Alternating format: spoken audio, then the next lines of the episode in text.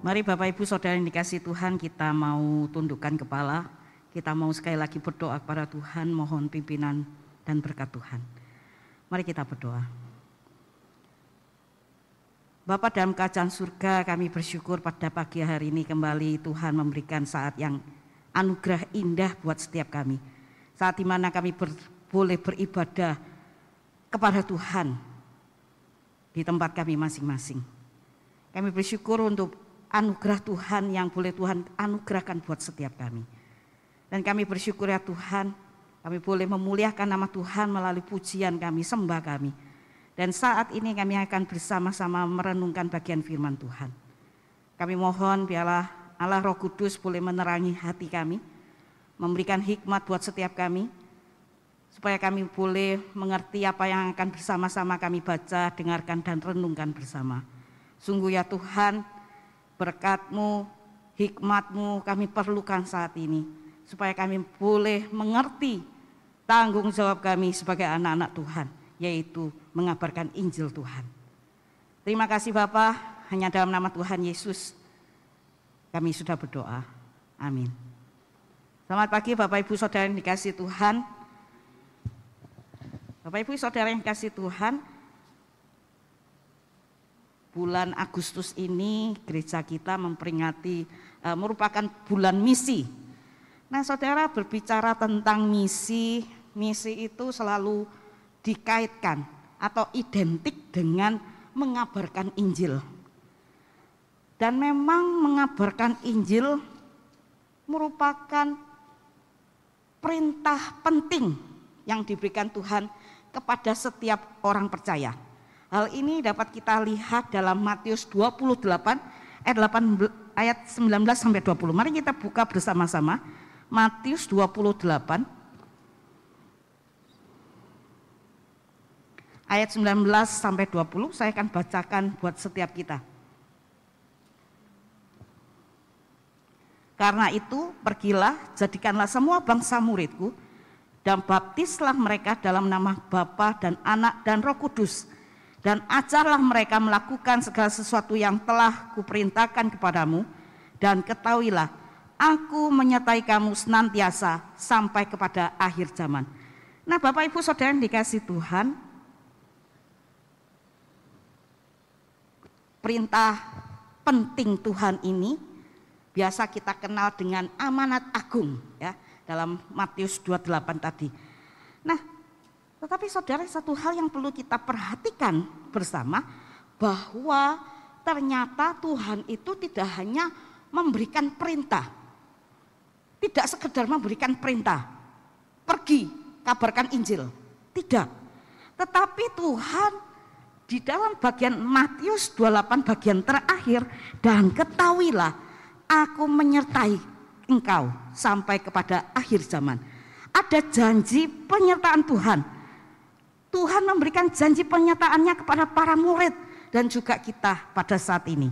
Terbukti pada hari Pentakosta ya, ya Tuhan mengirimkan Roh Kudusnya kepada murid para murid-muridnya pada waktu itu dan juga Roh Kudus itu boleh hadir di tengah-tengah kita pada saat ini.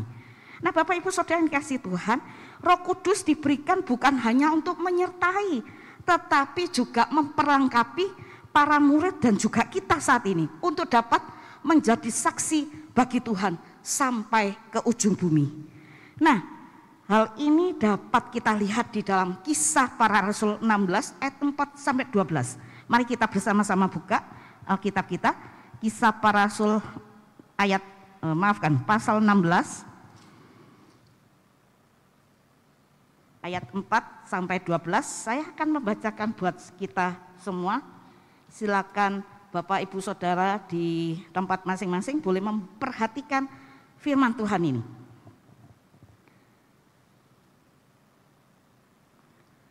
Kisah para Rasul 16 ayat 4 sampai 12.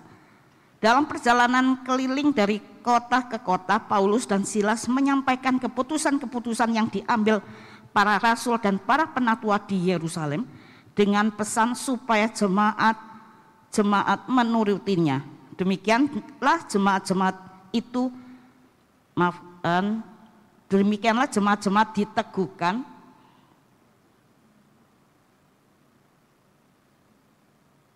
dalam iman dan makin banyak, makin lama makin bertambah banyak, besar jumlahnya.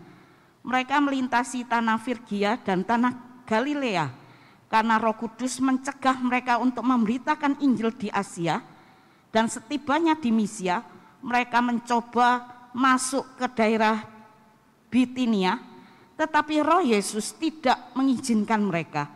Setelah melintasi Misia, mereka sampai di Troas. Pada malam harinya tampaklah oleh Paulus suatu penglihatan. Ada seorang Makedonia berdiri di situ dan berseru kepadanya, katanya, menyeberanglah kemari dan tolonglah kami.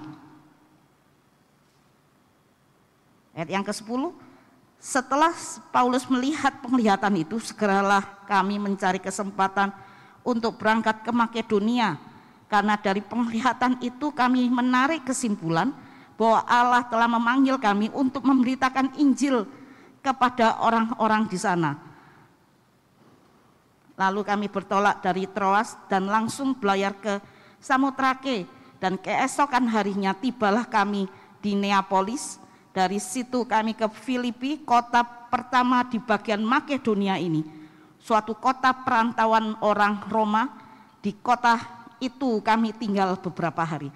Nah Bapak Ibu Saudara yang kasih Tuhan, dari kisah para rasul 16 ayat 4 sampai 12 ini, kita dapat melihat bagaimana karya roh kudus menyertai Paulus dan Silas dalam mengabarkan Injil. Nah saudara yang kasih Tuhan, ada dua pokok pikiran yang terkandung di dalam kisah Rasul 16 ayat 4 sampai 12 ini. Yang harus jadi pikiran kita bersama, yang harus kita perhatikan bersama. Yang pertama, pemberitaan Injil itu adalah merupakan karya rencana Tuhan sendiri. Kita bisa perhatikan di ayat yang ke-6 dan yang ke-7. Mereka melintasi tanah Virgia dan tanah Galilea karena Roh Kudus mencegah mereka untuk memberitakan Injil di Asia. Dan setibanya di Misia mereka mencoba masuk ke daerah Bitinia, tetapi Roh Yesus tidak mengizinkan mereka. Nah, Bapak Ibu Saudara yang kasih Tuhan, di dalam kisah ini diceritakan Paulus Silas meneruskan perjalanan bersama untuk memberitakan uh, memberitakan ajaran dari hasil pertemuan di Yerusalem. Kita bisa lihat di dalam kisah 15 atasnya. Nah, mereka menyampaikan keputusan-keputusan yang sudah uh, diambil pada sidang Yerusalem dengan cara menguatkan dan meneguhkan iman setiap jemaat yang mendengarnya. Nah, Bapak Ibu Saudara, bukan saja jemaat itu makin diteguhkan, tetapi dikatakan bahwa mereka semakin bertambah di dalam jumlahnya. Dan kemudian diceritakan bagaimana Paulus dan Silas hendak pergi ke Asia. Mereka melintasi tanah Virgia dan tanah Galilea. Akan tetapi yang menarik adalah Roh Kudus dikatakan dalam ayat 6, Roh Kudus melarang mereka untuk memberitakan Injil ke Asia.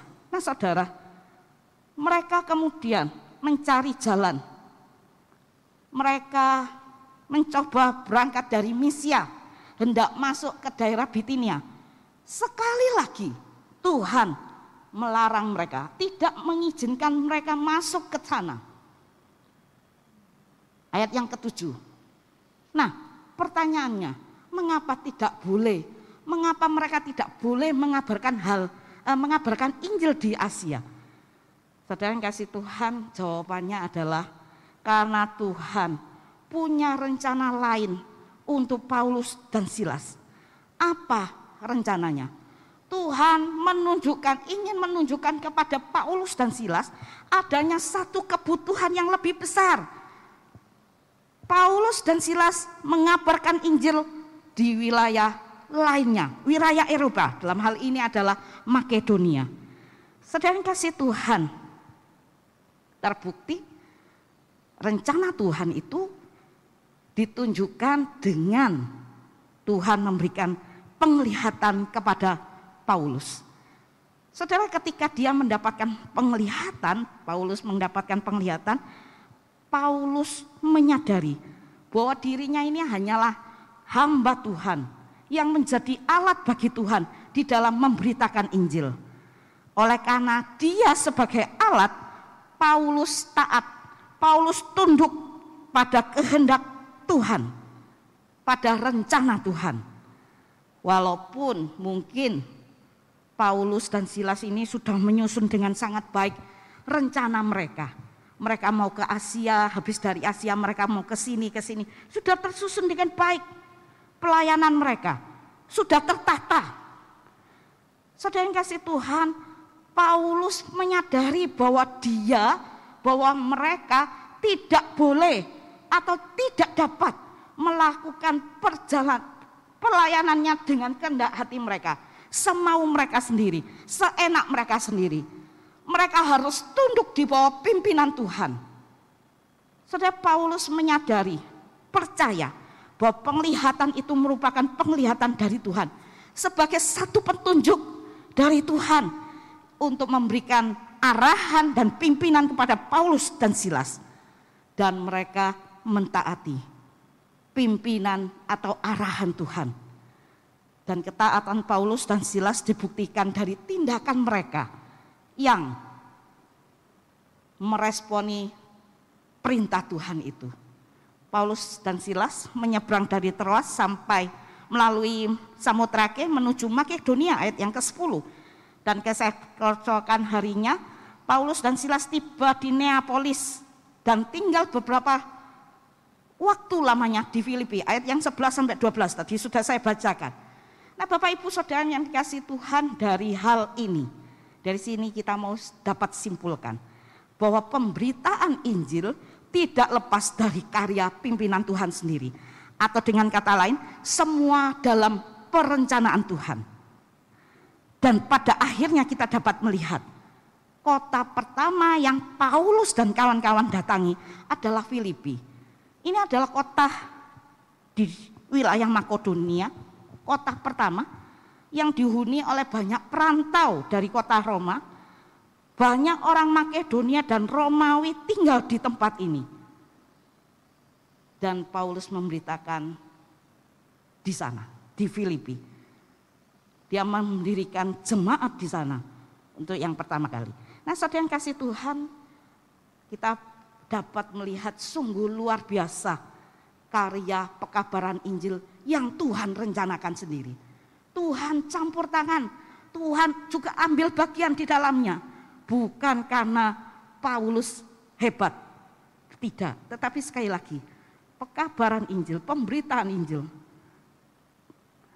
terjadi karena adanya pimpinan Tuhan, campur tangan Tuhan.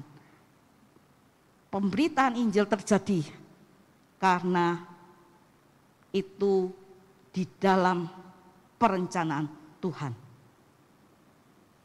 Yang kedua, yang dapat yang jadi pokok pikiran kita pada pagi hari ini. Yang kedua adalah Saudara pemberitaan Injil itu harus menjangkau semua orang. Ayat yang ke-9 saya akan bacakan buat setiap kita.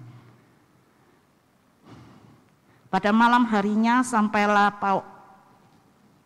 tampaklah pada malam seharinya tampaklah oleh Paulus suatu penglihatan. Ada seorang Makedonia berdiri di situ dan berseru kepadanya. Katanya, menyeberanglah kemari dan tolonglah kami. Nah saudara yang kasih Tuhan. Diceritakan setelah sampai melintasi misi mereka sampai di Troas dan pada malam harinya Paulus mendapatkan satu penglihatan. Dia melihat seorang Makedonia yang berseru, ayo ke sini oh, tolong kami. Saudara, ada kata tolong.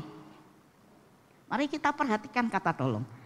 Kata tolong di sini itu menunjukkan adanya ketidakberdayaan. Saudara kalau orang mampu, orang itu tidak akan minta tolong. Kalau orang itu berdaya, kuat, jago, teguh, dia tidak akan minta tolong. Tapi ketika dia tampak tidak berdaya, tidak bisa ngapa-ngapain, tidak bisa, tidak mampu, dia akan minta tolong. Sama ya. Kata tolong di sini menunjukkan adanya ketidakberdayaan, ketidakmampuan.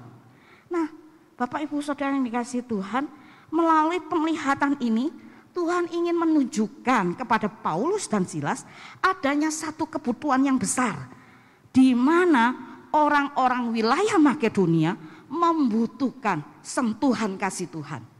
Mereka membutuhkan kebahagiaan yang sejati dan semua itu hanya dapat diperoleh di dalam Kristus Yesus, bukan di pada yang lainnya. Mereka membutuhkan keselamatan yang sejati. Sekali lagi, kebahagiaan sejati, sentuhan kasih Tuhan, keselamatan sejati hanya dapat diperoleh di dalam Kristus Yesus. Bapak Ibu Saudara yang dikasih Tuhan melalui penglihatan tersebut, Tuhan ingin menunjukkan kepada Paulus dan Silas bahwa wilayah Makedonia ini adalah wilayah yang belum tersentuh oleh Injil. Orang-orang Makedonia akan binasa.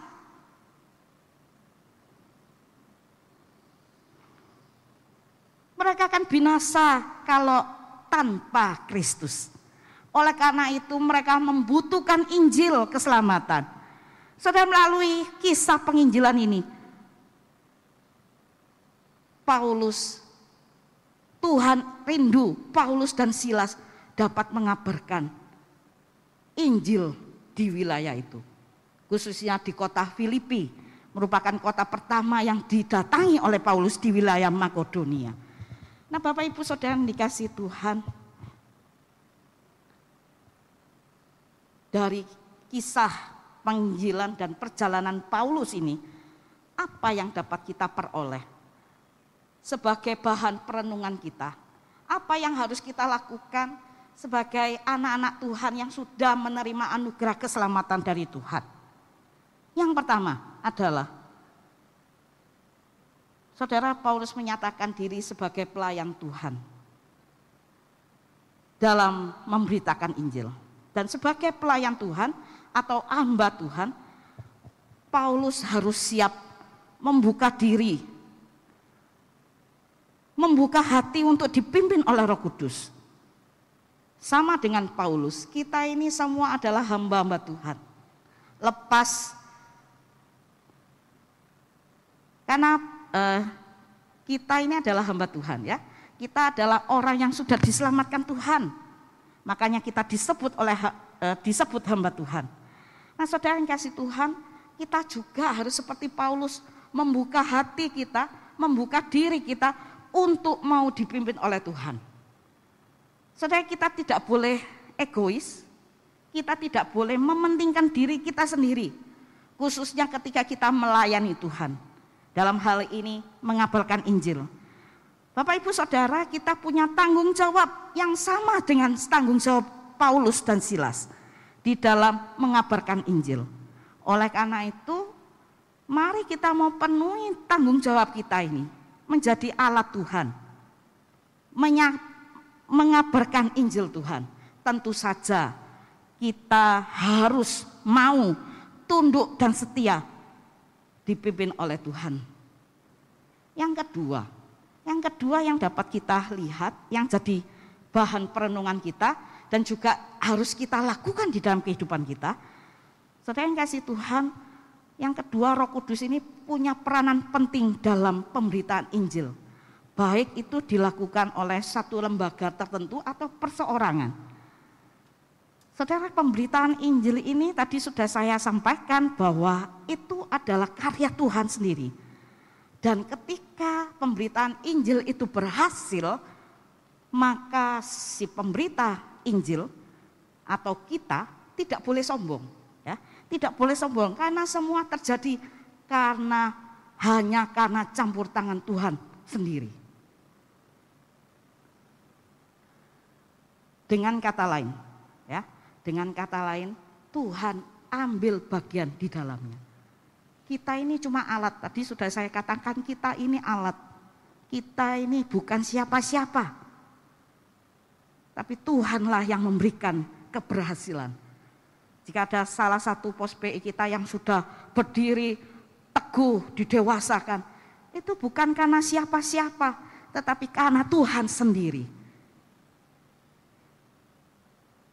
Yang terakhir, pemberita Injil, pemberitaan Injil harus menjangkau semua orang dan di mana pun mereka berada.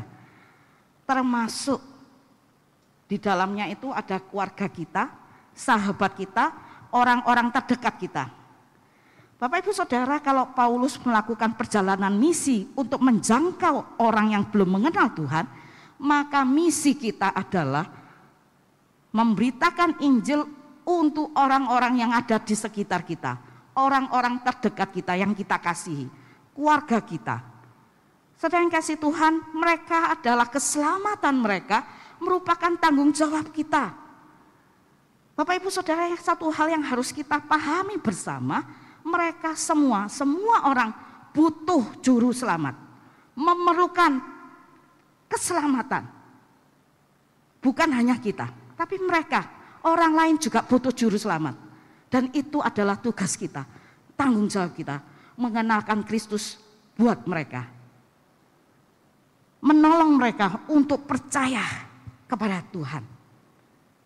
Saudara, ada keluarga kita yang belum percaya ada orang-orang terdekat kita yang belum mengenal Tuhan, kasih Tuhan. Sekali lagi, itu adalah tugas kita, tanggung jawab kita. Bapak Ibu Saudara yang kasih Tuhan, saya memiliki penyesalan. Saya mempunyai penyesalan ya, belakangan ini saya sering menyesal. Saya menyesal ketika ada papa dari teman saya yang meninggal beberapa waktu yang lalu Padahal di hari-hari terakhir seminggu selama dia sakit, kami intens telepon. Saya intens telepon, nelponi papanya, ngajak ngomong, ngajak doa. Meskipun papanya sudah terengah-engah nafasnya. Anaknya minta tolong saya untuk telepon papanya. Nah, yang membuat saya menyesal adalah ketika saya telepon dan saya doakan, saya tidak mengatakan kepada dia. Saya tidak bertanya kepada papa dari teman saya. Su mau enggak terima Tuhan Yesus sebagai juru selamat? Su mau enggak susuk percaya sama Tuhan? Yang kasih Tuhan berapa waktu yang lama memang saya sempat tanya. Uh, ketika istri beliau meninggal, kami mengajak dia untuk ke gereja dan puji Tuhan, dia ke gereja. Dia mau, mungkin karena dia sungkan kali saya juga nggak tahu. Tapi yang pasti dia mau ke gereja. Bapak Ibu Saudara yang kasih Tuhan, tapi saya tahu kalau dia belum terima Tuhan dengan segenap hati ya. Belum terima Tuhan secara pribadi. Lalu saya ngomong, saya ngajak ngomong, kami saya doakan, singkat cerita saya tanya, Su, mau nggak terima Tuhan sebagai juru selamat secara pribadi. Ini berapa waktu yang berapa tahun yang lalu. Si papa dari teman saya ini katakan, aduh jangan, jangan sekarang. Saya ini susu ini masih banyak dosa. Dia katakan begitu. Loh, justru kita orang berdosa butuh juru selamat. Iya, tapi nanti dulu. Susu tak ikut-ikut aja. Dia enggak mau. Nah, lepas kemudian sudah saya tidak pernah tanya lagi sampai akhirnya dia sakit itu. Dia sakit dan pada akhirnya Tuhan memanggil dia pulang. Nah saudara itu penyesalan saya. Nah berkaca dari pengalaman itu ketika kakak saya sakit terpapar covid dan dikatakan paru-parunya kurang baik. Foto tiga kali tetap aja paru-parunya kurang baik. Saudara kasih Tuhan memang kami, saya suka telepon, kita suka telepon-teleponan ya. Eh, waktu kakak saya sakit, saya intens teleponnya, saya doakan. Nah, ketika dia tahu, saya juga nggak tahu alasan dokter. Mungkin karena enggak ada keluarga yang nunggui. Jadi dokter itu langsung ngomong sama kakak saya. Ini hasil parunya jelek banget, ngomong gitu. Kakak saya ada ini langsung apa ya, langsung ceklek gitu ya. Langsung waduh down banget dia.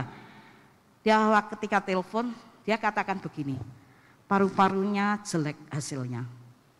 Loh jelek lagi, saya ngomong gitu. Jelek lagi, oh ya mungkin karena covid belum hilang be. Saya bilang gitu, nggak apa-apa, nggak apa-apa. Tapi dia ceplos begini. Dia katakan begini, mari gini aku mati be ya, ngomong gitu. Waktu saya dengar kakak saya ngomong gitu, saya kaget. Saya kaget, lalu saya nyeplos, emang lu takut mati tah? Saya nyeplos begitu. Memang lu takut mati tah? Kakak saya tertawa ketika saya bertanya hal itu. Ketika dengar saya katakan, emang lu takut mati tah? Kakak saya cuma ketawa. Tetapi saya tahu meskipun dia tertawa, tapi saya tahu bahwa dia saat itu sedang mengalami ketakutan yang sangat besar. Dan saya pikir semua orang juga akan mengalami ketakutan itu ya. Nah, saudara yang kasih Tuhan, kemudian saya katakan kepada kakak saya, kalau waktunya Tuhan panggil, mau sakit, mau nggak sakit, nek waktunya pulang, waktunya mati, pasti mati. Orang sehat aja bisa mati, apalagi orang yang sakit. Saya bilang, saya katakan demikian. Tetapi yang kamu harus pahami, yang harus kamu sadari, sampai hari ini kamu masih hidup itu anugerah Tuhan. Kemudian saya ingat kata-katanya lo seiren. Orang yang sakit covid itu dikasih nyawa cadangan sama Tuhan. Langsung saya ngomong, kamu masih hidup itu karena anugerah Tuhan. Dan itu artinya Tuhan kasih kamu nyawa tambahan. Saya bilang gitu. Nyawa tambahan atau kesempatan untuk kamu ya. Kesempatan kedua kalinya untuk hidup. Kesempatan hidup kedua kalinya maksud saya. Supaya kau dapat sungguh-sungguh percaya kepada Tuhan. Saya pahami kakak saya ini belum sungguh-sungguh kenal Tuhan. Saya tahu itu. Ya, saya katakan demikian. Kau sungguh-sungguh percaya Tuhan. Percaya, terima Tuhan secara pribadi. Sebagai juru selamat, terima. Ini waktunya. Tuhan kasih kesempatan kedua kali. Ini tidak main-main. Saya bilang gitu. Guna no kesempatan ini. Kesempatan atau nyawa cadangan yang Tuhan kasih ini kepada kepada kamu. Percaya Tuhan. Saya bilang gitu. Sekarang mulai sekarang berdoa berdoa kepada Tuhan. Terus nggak boleh putus asa, harus semangat. Lalu saya mendoakan kakak saya. Nah, puji Tuhan kakak saya sudah negatif, tapi jant, e, parunya masih nggak baik. Ya, sekali lagi, parunya e, masih kurang bagus gitu. Tetapi saya bersyukur. Saya katakan ketika hasilnya negatif, saya katakan loh ini loh, Tuhan tolong kamu. Ayo, terima Tuhan Yesus. Percaya dengan sungguh-sungguh. Wes ojo aneh-aneh lagi. Terima Tuhan Yesus, percaya sama Tuhan Yesus. Saya bilang gitu. Dan saya mendoakan dia, sampai hari ini saya berdoa supaya Tuhan sungguh-sungguh menjamah hatinya. Melalui ini dia boleh sungguh-sungguh terima Tuhan, percaya pada Tuhan. Nah Bapak Ibu Saudara yang dikasih Tuhan dari sharing yang saya ini, saya ingin sampaikan bahwa masih ada orang terdekat kita. Kita tidak muluk-muluk mau ke melakukan perjalanan misi seperti Paulus. Tidak, kita tidak muluk. Tapi kita mau lihat keadaan sekitar kita.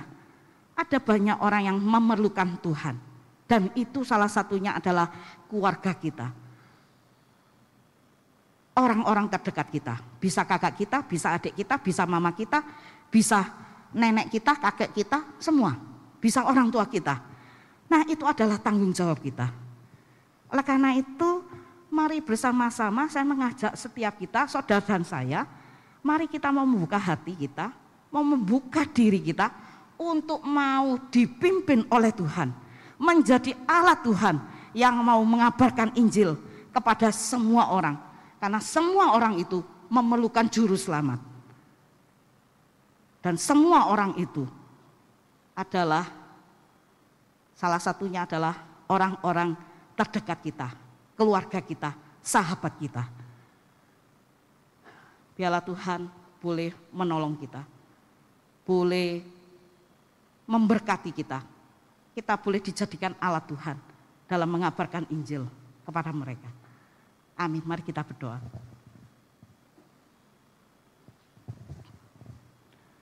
Bapak dalam kerajaan surga kami sungguh berterima kasih untuk firman Tuhan melalui teladan Paulus dan Silas.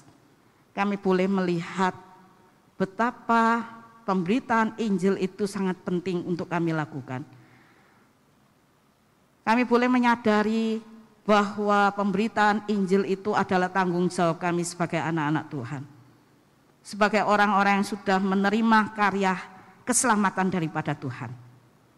Oleh karena itu Tuhan tolong kami supaya kami berlaku sama seperti Paulus dan Silas yang mau tunduk taat, yang bersedia dipakai menjadi alat Tuhan di dalam memberitakan Injil. Tuhan tolong kami Tuhan supaya kami dapat mengabarkan Injil kepada semua orang karena mereka butuh Tuhan. Mereka butuh sentuhan kasih Tuhan. Oleh karena itu Tuhan, perlengkapi kami dengan roh kudusmu. Tolong kami ya Bapa. Terima kasih ya Tuhan. Ke depannya kami menyerahkan diri kami. Sungguh-sungguh Tuhan yang boleh tolong kami. Supaya kami dapat menyaksikan cinta kasih Tuhan kepada mereka yang belum mengenal Tuhan. Terima kasih Bapak, hanya dalam nama Tuhan Yesus kami sudah berdoa. Amin.